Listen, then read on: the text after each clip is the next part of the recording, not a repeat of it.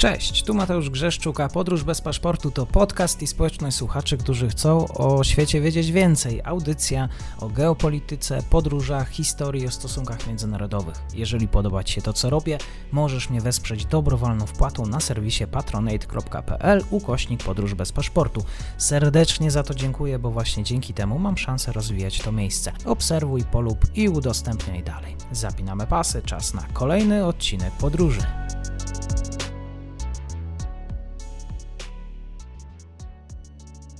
Dzień dobry wszystkim słuchaczom. Dzisiaj kolejne podsumowanie, tym razem podsumowanie bliskowschodnie, a moim gościem jest pan profesor Łukasz Federek z Uniwersytetu Jagiellońskiego w Krakowie, Instytut Bliskiego i Dalekiego Wschodu. Dzień dobry panie profesorze. Dzień dobry. Pierwsze pytanie, uznajmy, że na rozgrzewkę, czy dla pana profesora jako badacza polityki bliskowschodniej ten mijający rok był ciekawy wydarzenia, czy pan profesor musiał jednak patrząc na te wydarzenia, które się działy, można rzec, że należał do tych spokojniejszych? Czy należą do spokojniejszych? To nie. To znaczy, mamy, e, może ustawmy to w takiej perspektywie. Bliski Wschód przechodzi transformację w wielu wymiarach, w wielu obszarach, to znaczy polityki równowagi sił, czyli w wymiarze polityki międzynarodowej, ale także w pewnych osiach polityki wewnętrznej. Zaraz się to postaram zilustrować, która jest o tyle ciekawa na Bliskim Wschodzie, że często nie dotyczy jednego kraju i choć jest zasadniczo polityką wewnętrzną, ale jest też polityką transgraniczną. I żebyśmy nie poprzestawali tu na takich mm,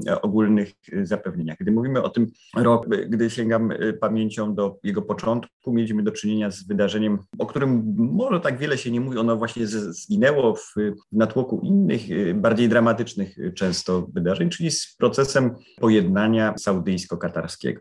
To, o ile pamiętam, było w styczniu lub może w lutym, ale no, na samym początku 2021 roku. I, I, dlaczego akurat to wydarzenie wydaje mi się ważne, czy jako takim, takim dobrym punktem do e, rozpoczęcia rozmowy o o tym, co działo się na Bliskim Wschodzie. Bo e, z jednej strony mamy tutaj proces e, porozumienia między dwoma bliskimi sobie sąsiadami, krajami o bardzo różnym potencjale ludnościowym, bo mamy tutaj ponad 30-milionową Arabię Saudyjską, czy około 30-milionową Arabię Saudyjską i Katar, który mm, e, ma tylko mm, niecałe 300 tysięcy obywateli, choć wielokrotnie więcej, półtora miliona mieszkańców, no ale ciągle jest to mikropaństwo. Natomiast to pojednanie kończy okres takich wzajemnych animozji, których konsekwencji nie dotyczyły tylko Arabii Saudyjskiej i Kataru, ale tak naprawdę rozgrywane były w bardzo wielu krajach Bliskiego Wschodu. Od Tunezji, przez Libię, przez Egipt, przez Syrię, Jemenie, kończąc, a także na stosunkach z Iranem i z Turcją, mając swoje,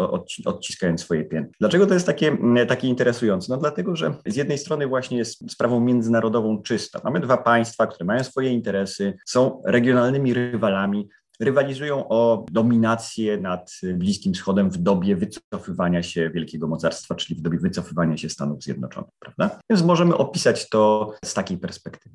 Ale możemy powiedzieć też, że to, co dzieje się pomiędzy tymi dwoma państwami, dotyczy pewnej wizji politycznej, tego jak y, i kto będzie rządził w społeczeństwach arabskich, czyli wizji politycznej, która koncentruje się wokół sporu pomiędzy zwolennikami Bractwa Muzułmańskiego i przeciwnikami Bractwa Muzułmańskiego. Czyli dla tutaj słuchaczy w, w mniej zako, zakorzenionych sprawach bliskowschodnich, dlaczego to Bractwo Muzułmańskie, kim są bracia muzułmanie? No są to fundamentaliści, ale tacy fundamentaliści opowiadający się za modernizację. Tak? Niektórzy powiedzą, że są to umiarkowani fundamentaliści, inni będą w ogóle zaprzeczać, że coś takiego nie może istnieć. No w każdym razie jest to ugrupowanie polityczne, islamu politycznego, o bardzo dużych wpływach na Bliskim Wschodzie politycznych, które jest wspierane właśnie przez Katar, którego głównym arabskim orędownikiem, sponsorem jest y, Katar, choć oczywiście sama e, Samo Bractwo Muzułmańskie jest znacznie starsze niż suwerenne państwo Katar, bo Bractwo Muzułmańskie powstało w latach dwudziestych a Katar funkcjonuje dopiero od 50 mniej więcej lat jako państwo suwerenne. Tak więc, y, tak więc to, jest, to jest początek ciekawego roku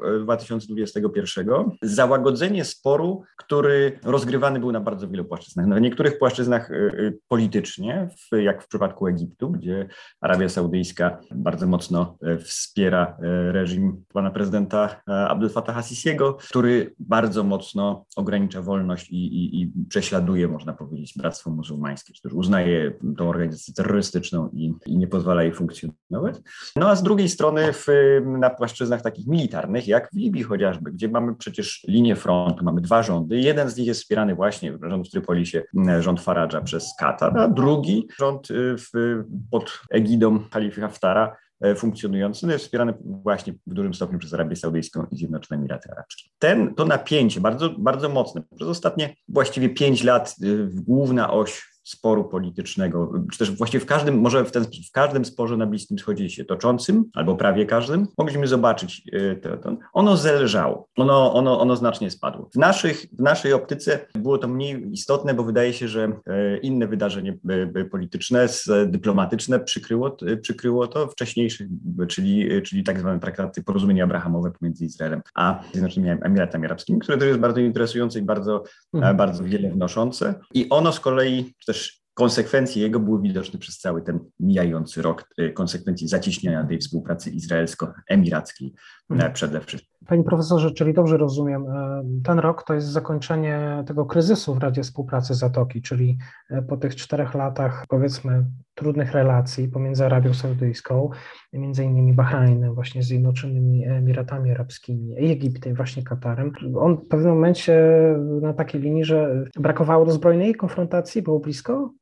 Nie było daleko od zbrojnej konfrontacji, prawdopodobnie. Wiele na to wskazuje. Właśnie te cztery, cztery lata temu miałem okazję być w Dosze i no, przeświadczenie, oczywiście dopóki nie będą odtajnione jakieś archiwa, nie dowiemy się, jak blisko było tej konfrontacji, ale przekonanie wśród katarskich elit czy wśród ekspatów żyjących w Katarze, że jakiś scenariusz siłowy jest bardzo bliski, e, czy to no, no, tym, tym scenariuszem najbardziej prawdopodobnym wtedy był scenariusz poparcia e, detronizacji mm, Emirata Mima, władcy Kataru, wkroczenie wojsk pod przykrywką e, poparcia innego członka rodziny królewskiej, jednego z wujów emira i jego pretensji do tronu. I wydaje się, że to, to było dość realny scenariusz. W każdym razie, na tyle, na ile możemy dzisiaj powiedzieć, w to wierzono, że taki scenariusz jest możliwy.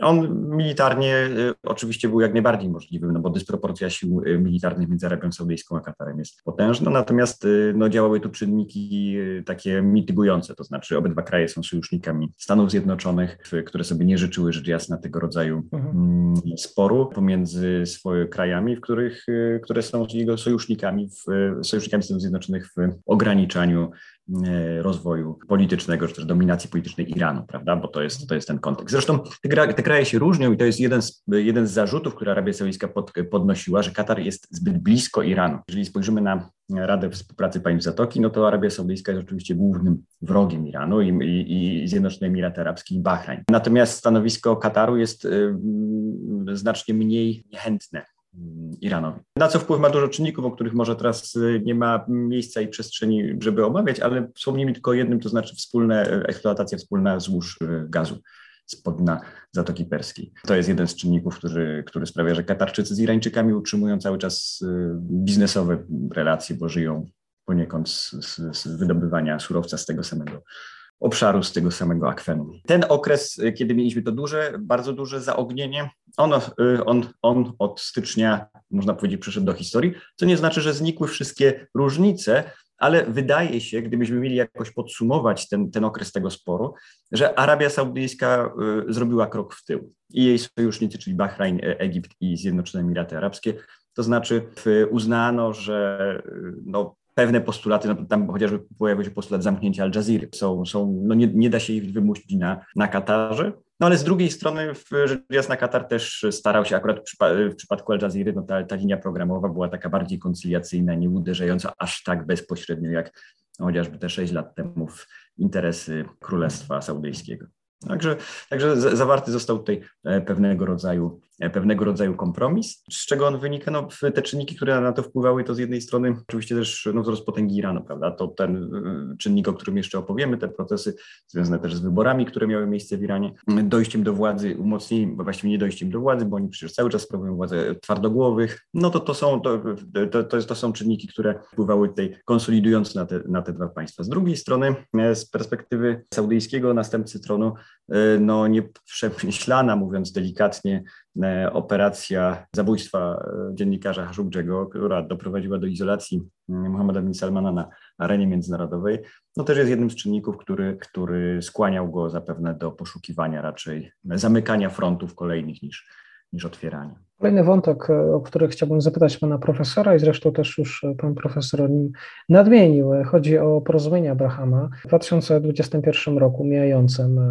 do tego całego procesu do Zjednoczonych Emiratów Arabskich Bahrajnu dołączyło Maroko, e, dołączyło, dołączył również Sudan. Panie profesorze, jak to wygląda dzisiaj w praktyce, jeżeli chodzi o relacje izraelsko bliskowschodnie. Tak, relacje z.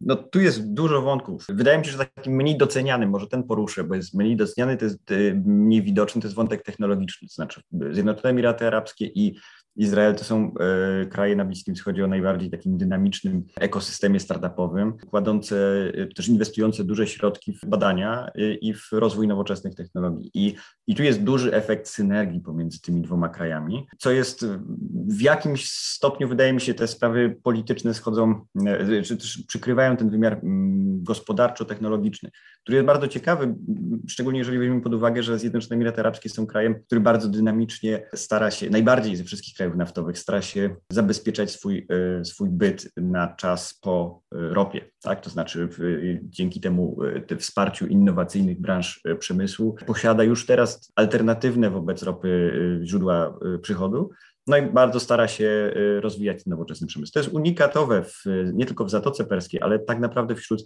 wszystkich krajów naftowych, no może poza Norwegią, e, bowiem e, cechą taką standardową, cechą państwa naftowego jest niezdolność rozwijania sektorów pozanaftowych e, dynamicznego. Pomimo tego, że każdy, od, każdy, każdy przywódca od Władimira Putina bo właśnie Mohammed bin Salman stara się y, tworzyć warunki do rozwoju takich sektorów, to prawie nikomu się to nie udaje, a w Zjednoczonym Emiratom Arabskim w dużym stopniu, w szczególności w Emiracie Dubaj, ten proces y, się udał. Więc y, tak, wymiar technologiczny, ważny, wydaje mi się w tym wszystkim. Polityczny wymiar, no, związany oczywiście z, przede wszystkim z głównym wrogiem Izraela, czyli z Iranem. To, czy wszyscy wiedzą na Bliskim, jest wiedza powszechna, że Emiraty Arabskie wykonały ten gest pod czujnym okiem Arabii Saudyjskiej tak? że Saudowie, że, że tym, co jest na stole w tym momencie, jest normalizacja stosunków e, pomiędzy Królestwem Saudyjskim e, a Izraelem. No, na razie e, po tym roku możemy powiedzieć, że nie ma widoków, żeby coś takiego było za rogiem, żeby tego rodzaju proces był za rogiem. To znaczy, Arabia Saudyjska dostrzega też koszty, które ponoszą władcy krajów, które decydują się na normalizację polityczną z Izraelem, są to koszty wizerunkowe, ponieważ i, i, i koszty wewnątrzpolityczne, ponieważ te działania są niepopularne wśród arabskiej ulicy. Oczywiście w Zjednoczonych Emiratach Arabskich to nie jest istotny czynnik, ponieważ w Zjednoczonych Emiratach Arabskich y, mieszka 900 tysięcy obywateli, kraj jest nadzwyczaj zamożny, jest oczywiście y, państwem monarchią absolutną. Natomiast y, czynnik buntu wewnętrznego nie jest dużym zmartwieniem dla władców każdego z, z, z siedmiu emiratów tworzących to Jeżeli mamy już y, kilkadziesiąt milionów poddanych, tak jak król saudyjski, albo tak jak władca marokański, wtedy ten czynnik y, niechęci, ludowej niechęci do Izraela i y, naturalnego sympatyzowania z losem Palestyńczyków no już jest bardzo istotny w polityce. I to wydaje mi się, że szczególnie widać właśnie na przykładzie Maroka, które z jednej strony historycznie miało z wszystkich krajów arabskich najbliższe stosunki z Izraelem, choć nigdy nie sformalizowane wcześniej. Tak, co wynika z, z historii, z, z, z, faktu, że właściwie znowu Maroko było jedynym chyba krajem arabskim, z którego, w którym niemała część y, diaspory żydowskiej nie wyemigrowała do Izraela, tylko pozostała w tym kraju, e, nawet po utworzeniu państwa e, żydowskiego. Więc tutaj było, było dużo historycznych precedensów, co nie zmienia faktu, że dla króla e, Mohameda VI to porozumienie jest, jest kosztowne politycznie w wymiarze wewnątrzpolitycznym w, Ma w Maroku. I, I, sympatia dla sprawy palestyńskiej, no i też w, w, no, publicyści arabscy, chociażby w Maroku, zadają pytanie, no ale co to porozumienie dało Palestyńczykom, prawda? Bo my przez wiele lat, przez dekady odmawialiśmy uznania państwa Izrael dyplomatycznego, licząc na to, że, że Izrael zmieni swoje postępowanie. Tak? A jak wiemy, w, mieliśmy oczywiście jeszcze, być może będzie przestrzeń o tym porozmawiać, mieliśmy wojnę e, przecież w strefie gazy e, w wiosną tego mijającego roku, no ale postępowanie Izraela pomimo wyborów, pomimo wyłonienia nowego rządu w zakresie osadnictwa na zachodnim brzegu, w, w, w zakresie wywłaszczania e, palestyńskich rodzin z wschodniej Jerozolimy, tutaj nie zaszły żadne zmiany, którymi władcy arabscy mogli powiedzieć, popatrzcie, rozmawiamy dyplomatycznie z Izraelem i są tego, e, są tego efekty. Sprawa palestyńska w jakimś tam stopniu się posunęła do przodu. Izrael nie dał władcom arabskim żadnego takiego powodu do, czy też żadnej takiej amunicji do, w tej dyskusji pomiędzy władcami arabskimi a ich, a tak zwaną arabską ulicą. Więc to jest, to jest trudne. Natomiast oczywiście narracja elit poszczególnych monarchii arabskich jest taka, że no, sprawa palestyńska jest sprawa palestyńska, musimy zadbać o nasze interesy, Izrael jest y, ważnym graczem, potencjalnie y, istotnym inwestorem i,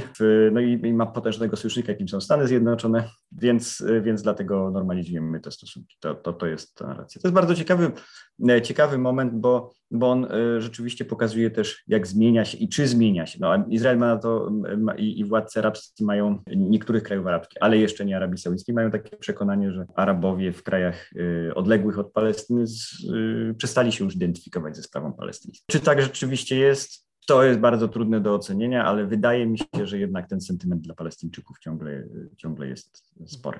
Jeszcze, jeżeli jesteśmy przy Izraelu, 13 e, czerwca e, to jest ważna data, bo koalicja utworzona przez osiem partii opozycyjnych właśnie uzyskała wotum zaufania Knesecie. Zjednoczenie opozycji przeciw Netanyahu to jest taki chyba ważny punkt tego roku i powołanie tego rządu, innego rządu, no, rządu zmiany w Izraelu. Panie e, profesorze, jeszcze dosłownie słowem, kilku zdaniach, jakie była ta drugi, druga połowa tego roku dla Naftali Beneta?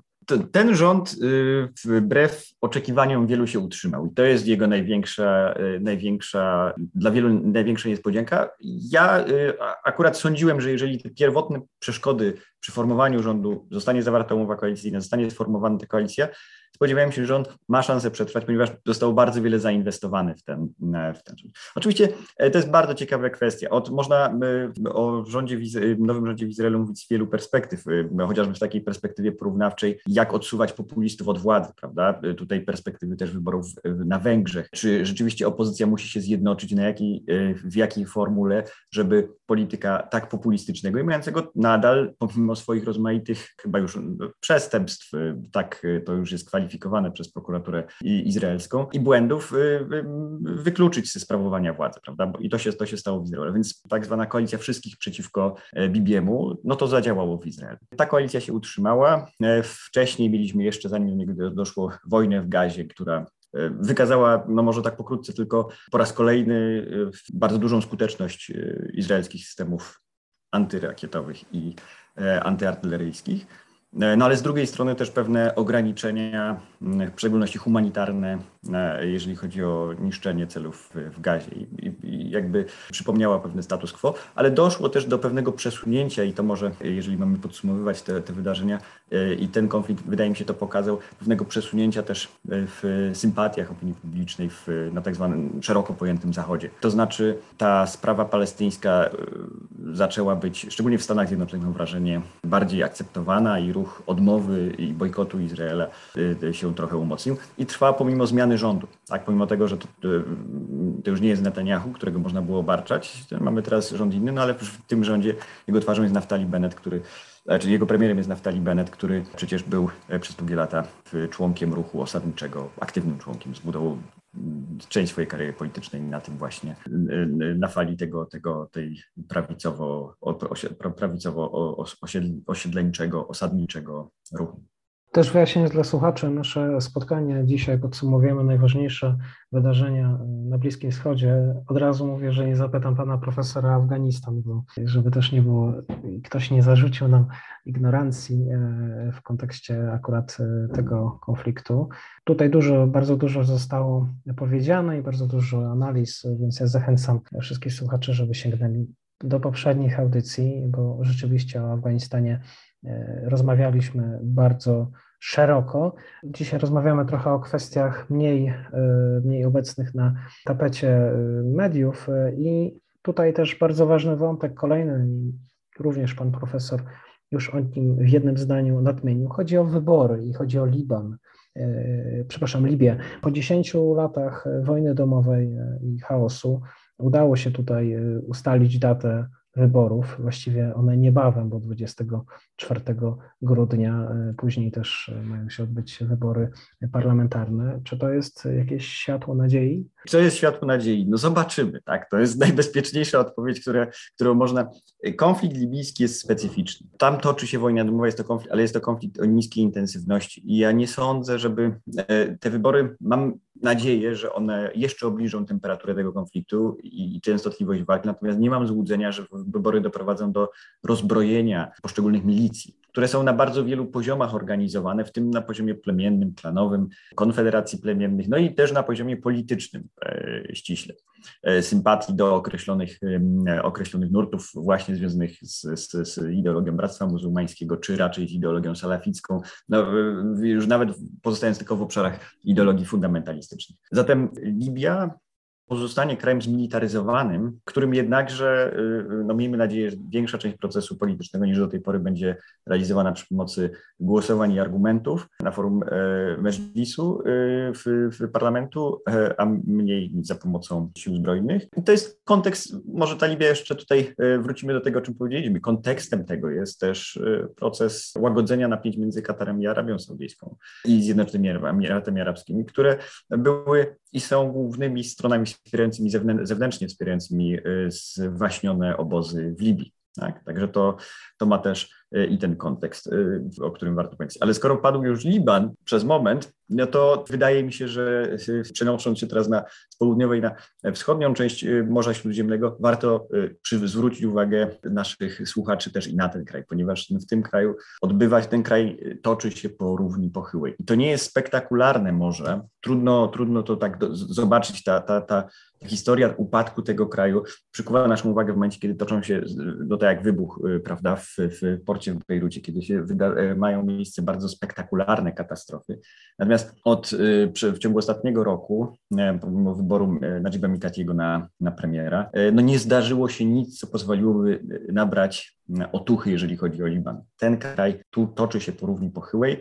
E, wczoraj, nie, nie dalej jak wczoraj, mieliśmy bardzo burzliwe spotkanie premiera Mikatiego z e, marszałkiem parlamentu Nabichem Berrim, które potoczyło się bardzo źle. Mikati wydaje się, że zagroził poddaniem się do dymisji. Liban e, powinien stanowić naszą przestrzeń dla naszych obaw, naszych jako Europejczyków, bo system polityczny w tym, w tym kraju, zoligarchizowany system polityczny jest nadzwyczaj niewydolny, nadzwyczaj skorumpowany, a ponadto kraj jest też areną rywalizacji, w tym przypadku rywalizacji przede wszystkim pomiędzy Iranem i e, Arabią Saudyjską i jej sojusznikami. Wracamy ponownie do tematu Iranu. E, tutaj dwie kwestie wrócą perspektywy, jeżeli chodzi o rozmowy, co się działo w mijającym roku.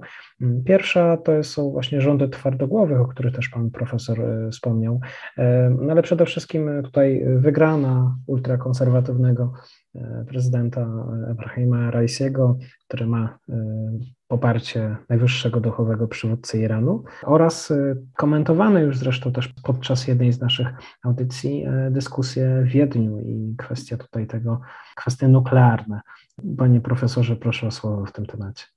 Tak, to może od tej kwestii nuklearnej zacznijmy. To jest też proces, który się toczy niejako bez y, fajerwerku, jeśli tak można powiedzieć. Jest, I ten proces y, jakby z każdym mijającym tygodniem, no, Iran jest coraz bliższy uzyskania e, broni jądrowej. To jest, to jest y, fakt, który powinien gdzieś nam tam e, z tyłu głowy siedzieć, gdy mówimy o tym, co się dzieje w Iranie. Zerwanie negocjacji, z, przez, nie negocjacji, zerwanie traktatu przez e, Donalda Trumpa doprowadziło do wzmocnienia frakcji tej jastrzębiej w Iranie, odmrożenia programu atomowego, o którym w tym momencie mamy też bardzo znacznie mniejszą wiedzę niż w trakcie, gdy JCPOA obowiązywało, ponieważ cały szereg obowiązków sprawozdawczych i kontrolnych Iran przestał wykonywać. Tak więc polegamy teraz, oceniając stan zaawansowania tych prac, głównie na deklaracjach rządu irańskiego, no i ocenach e, analityków, czy to amerykańskich, czy izraelskich, publikowanych w, w mediach. Ten proces się toczy i on jest bardzo niepokojący. E, równolegle toczy się, można powiedzieć, że nadzieje, które miał Zachód, że pogarszająca się sytuacja gospodarcza, pogłębiona pandemią, e, doprowadzą irańską gospodarkę do zapaści i społeczeństwo do rewolty. Te scenariusze w tym roku było to widać dość dobitnie. E, nie sprawdziły się. Społeczeństwo irańskie popadło w pewnego rodzaju taką depolityzację, w pewnego rodzaju zobojętniało tak, na problemy polityczne.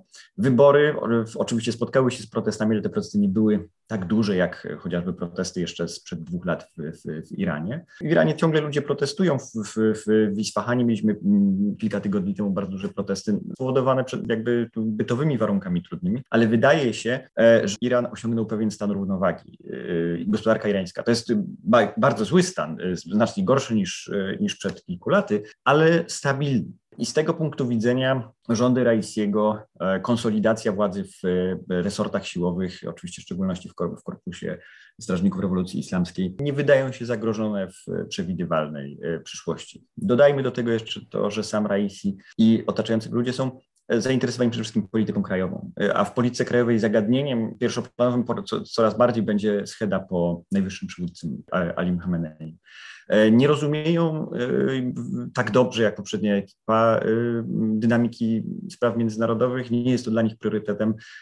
Stawiają na narzędzia siłowe i na taką politykę samowystarczalności. Choć oczywiście no, przystąpili do tych negocjacji w Wiedniu, które jednakże, no, nie chcę tutaj wracać do tej naszej rozmowy, którą pewnie można gdzieś odsłuchać, ale które od tej pory nie posunęły się do przodu i zdaje się, że ci, którzy sądzili, ci, te pesymistyczne głosy, które były w większości przed rozpoczęciem rozpoczęciem e, negocjacji. Pesymistyczne głosy analityków mówiących o tym, że nie należy spodziewać się e, zmiany, to słuszność trzeba im raczej będzie przyznać, bo postulaty irańskie są mało realistycznie, formułowane mało realistycznie i w, ma, w mojej ocenie niemała część tego, co dzieje się w Wiedniu jest kierowana raczej do opinii krajowej, to znaczy po to, żeby pokazać, że tak, my chcemy, ale jednocześnie jesteśmy pryncypialni, nie rozmawiamy bezpośrednio z Amerykanami, e, bronimy twardo naszych racji. E, no a cóż, ale jednocześnie dajemy szansę e, na zdjęcie sankcji, no ale Zachód ewidentnie tego nie chce uczynić. Także mam, mam, mam, mam takie wrażenie, że to jest w dużym stopniu na potrzeby konsumpcji wewnętrznej polityki realizowany scenariusz. Idąc płynnie, jedno z takich ostatnich wydarzeń, o, którym, o które chciałbym zapytać pana profesora, to jest e, lipcowe mm, zdymisjowanie premiera i ten kryzys, e, kiedy to prezydent Tunezji Kais Saied e, zawiesił działanie parlamentu. To był taki dosyć największy, myślę, że kryzys polityczny w państwie tunezyjskim od wybuchu arabskiej wiosny. Panie profesorze, czy dzisiaj Tunezja jest już państwem bardziej stabilnym? Jest państwem bardziej autorytarnym na pewno, bo e, mieliśmy tutaj do czynienia z, z konstytucyjnym zamachem stanu. Prezydent działa poza swoimi uprawnieniami, poza swoimi prerogatywami. Więc to są, e, e, można powiedzieć tak, mamy w, w tym momencie trzy kraje arabskie, gdzie funkcjonuje demokracja. Tak? To jest Irak, Liban i Tunezja. I w, o ile w Iraku wybory odbyły się w stosunkowo łagodny sposób przebiegły, tak, bez aktów, e, szeroko zakrojonych aktów e, przemocy i toczy się proces koalicyjnego formowania rządu, choć e, istnieje tu cały, cały szereg nierozwiązanych problemów, ale, ale można powiedzieć, że w tym roku demokracja iracka zdała egzamin. O tyle w Libanie, jak już wspominaliśmy, mamy bardzo potężny kryzys niewydolności państwa, i Tunezja, która jest tym, wydawałoby się, jedynym pozytywnym przykładem transformacji politycznej e, z, e, zapoczątkowanej przez arabską wiosnę, osuwa się nam w niestabilną autokrację. Tak? Bo pamiętajmy, że gdy wyobrażamy sobie sytuację w Tunezji w tym momencie, to należy pamiętać, tutaj, że mówimy o kraju o dość spolaryzowanej mm, scenie politycznej, o kraju, w którym prezydent Kais e, Said e, wygrywa lęki przed e, powrotem do władzy Annahdy, czyli ugrupowania islamistycznego umiarkowanie islamistyczne, bardzo umiarkowanie islamistycznego jak na standardy Bliskiego Wschodu, ale no jednak mającego też w swoich szeregach y, grupy czy mm, polityków dość skrajnych. I demontuje demokrację, czy też system y, y, równoważenia i wyhamowywania poszczególnych władz w, w Tunezji. To spotyka się z protestami społeczeństwa obywatelskiego, ale wydaje się, że w Europa jest na tyle zajęta swoimi problemami, na tyle znużona pełnieniem, pełnieniem rozmaitych misji politycznych na Bliskim Wschodzie, że tutaj to społeczeństwo obywatelskie tunezyjskie nie zyskuje, nie zyskuje zbyt dużego wsparcia. A szkoda, bo akurat w przypadku Tunezji Europa e, ma bardzo dużo środków nacisku i możliwości wpływu na ten kraj. Mamy takie kraje jak na Bliskim Wschodzie, jak Irak chociażby, e, które są bardzo, bardzo niezależne od tego, co się dzieje w Europie, ale tunezyjska gospodarka jest stosunkowo niewielka, stosunkowo dobrze rozwinięta i bardzo silnie z, związana z gospodarką, e, z gospodarkami południowych krajów Europy, w szczególności Włoch i, i Francji. I tych narzędzi wpływu jest sporo, natomiast no, w dobie dobie koronawirusa i rozmaitych kryzysów wydaje się, że Europa nie ma już czasu i ochoty i takiej woli przywództwa, żeby e, wspierać te procesy demokratyzacyjne, demokratyzacyjne w Tunezji, czy też je umacniać. Trzy kwestie y, wynotowałem sobie jako takie wydarzenia, które zafunkcjonowały w mijającym roku. To jest przede wszystkim Expo 2020, czyli ten poślizg pandemiczny. Udało się jednak zorganizować Zjednoczonym Emiratom Arabskim e, te, jedną z największych imprez e, na świecie. Kolejna kwestia to jest Jemen. Starczyłoby wątków na osobną audycję oraz kwestia wstrzymania eksportu gazu przez Algierię do Europy, właśnie przez Maroko. Panie profesorze, czy jeszcze o czymś zapomnieliśmy i o czymś, co mogliby ewentualnie słuchacze doczytać i dowiedzieć się więcej, albo już poza naszą audycją? Tak, w, pokrótce jeszcze o, o, o, każdym z tych, po zdaniu o każdym z tych wydarzeń. Expo rzeczywiście jest sukcesem, jest sukcesem też, dodajmy, polityka e, e, szczepionkowa i walki z, z e, pandemią w Emiratach Arabskich, co przy tak złożonym, tak zróżnicowanym społeczeństwie, które w dodatku, którego model niejako funkcjonowania polega na tym, że Emiraty Arabskie mają ambicje stać się takim skrzyżowaniem szlaków handlowych Europy, Azji i Afryki, i to Expo jest też elementem tej strategii, ale to oznacza też ogromny wymianę ludzi to jest warte podkreślenia, że e, no może nie demokratyczna, trochę autorytarna, ale taka e, konsekwentna polityka promowania zdrowia publicznego, szczepionek, dystansów, wszelkich tych zaleceń odniosła skutek i Expo nie przyniosło tego, co, co, co było wielką obawą, czyli ogromnego fali zachorowań w Emiratach Arabskich. To taka, taki, taki kontekst i wydaje mi się, że to nie mieliśmy też czasu w ogóle tego poruszyć, ale jest ciekawym obszarem do, do, do rozmowy zagadnienia właśnie wzorców e, walki z pandemią, polityki zdrowia publicznego w krajach takich jak Zjednoczone Emiraty Arabskie czy Izrael na Bliskim Wschodzie. Algieria i Maroko, tutaj kontekst tylko dopowiem, to, to obszerny, to przecież y, można powiedzieć zimna wojna między tymi dwoma krajami toczona nie od dziś, ale ten, e, ten element ocieplenia relacji z, z Izraelem przez Maroko jest związany z kolei z uznaniem przez Stany Zjednoczone władztwa marokańskiego nad Saharą Zachodnią, coś, co odrzuca Algieria, która się mieni obrońcą Sahary, Sahrauich. I skoro o tym mówimy, to jeden jeszcze kontekst, o którym warto też jakoś porozmawiać, to jest, to, są, to, jest, to jest sposób prowadzenia wojen na Bliskim Wschodzie, mianowicie dron, użycie dronów, prawda? Kilka tygodni temu algierski konwój został zniszczony rakietą wystrzeloną z prawdopodobnie z tureckiego drona. Tu jest oczywiście też kontekst polski e, i, i o tym też warto poczytać, bo, bo to, są, to są zmiany, których Bliski Wschód jest w jakimś sensie taką, takim poligonem, prawda? Które, które, które będą promieniowały na, na pozostałe, pozostałe rejony świata. E, także, także te wątki. Oczywiście, gdy pojawiają się drony i te, ten problem, no to dochodzimy do tego mm, zakątku Bliskiego Wschodu, o którym e, długo by można mówić Jemenu, tak, wojny w Jemenie. Wojna w Jemenie, równowaga sił e, w tym konflikcie. Walki toczą się w tym, przez ten rok toczyły się głównie o prowincję Mari, prowincję stosunkowo zamożną, czy też stosunkowo zasobną w złoża ropy naftowej. Sam Jemen ma stosunkowo mało ropy naftowej, ale właśnie tam, gdzie ona jest, no to o ten, o ten region w tym, w tym roku, na tym regionie koncentrowały się walki, ale tak w, w szerszej perspektywie Jemen w konflikcie jemeńskim mamy do czynienia z taką równowagą sił rozumianą jako pewnego rodzaju zastój i stagnacja.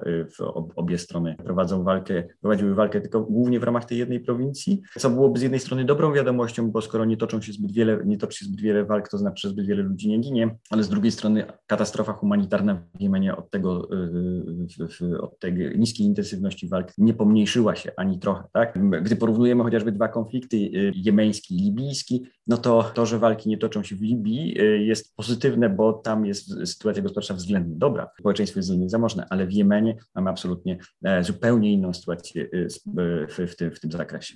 Rzeczy, których nie poruszyliśmy jeszcze, to jest, e, to jest Sudan i nawracające e, zamachy stanu, e, seria zamachów stanu, o których nie, nie, nie, poruszamy tego teraz, temat na, do doczytania właśnie, czy do, do rozmowy w innym terminie i no, dynamika syryjska, e, w, w, w, która choć nie przyciąga naszej uwagi, e, to też są tam, jest tam cały szereg procesów bardzo niepokojących z renesansem ISIS w czele i z niemożnością odbudowy państwa przez reżim Bashara al-Assada e, w drugim rzędzie. A na to wszystko jeszcze jest taki słoń w, w pokoju, o którym zupełnie nie powiedzieliśmy dzisiaj, czyli Turcja i jej pewien kryzys wizji dominacji Bliskiego Wschodu, kryzys, który nie wynika ze słabości polityki zagranicznej, ale przede wszystkim ze słabości gospodarczej, do której doprowadziła polityka, specyficznie, specyficznie prowadzona polityka Banku Centralnego. Myślę, że na temat Turcji takiego politycznego podsumowania, na takie polityczne podsumowanie wersji tureckiej przyjdzie jeszcze czas, bo to rzeczywiście temat na elaboraty i audycje, szereg audycji. Koniec roku to oczywiście czas podsumowania. Cieszę się, że właśnie mogliśmy dzisiaj przyjrzeć się temu, co się działo w trakcie ostatnich miesięcy właśnie na Bliskim Wschodzie i nie tylko. Wspólnie z panem profesorem e, to zaproponowaliśmy jakieś najważniejsze wydarzenia mijającego roku, ale tak jak zawsze e, zachęcam do tego, żeby sięgnąć e, po więcej. Dzisiaj e, takie podsumowanie z udziałem profesora Łukasza Federka z Instytutu Bliskiego i Dalekiego Wschodu Uniwersytetu Jagiellońskiego w Krakowie. Serdecznie dziękuję za nasze spotkanie. Dziękuję również.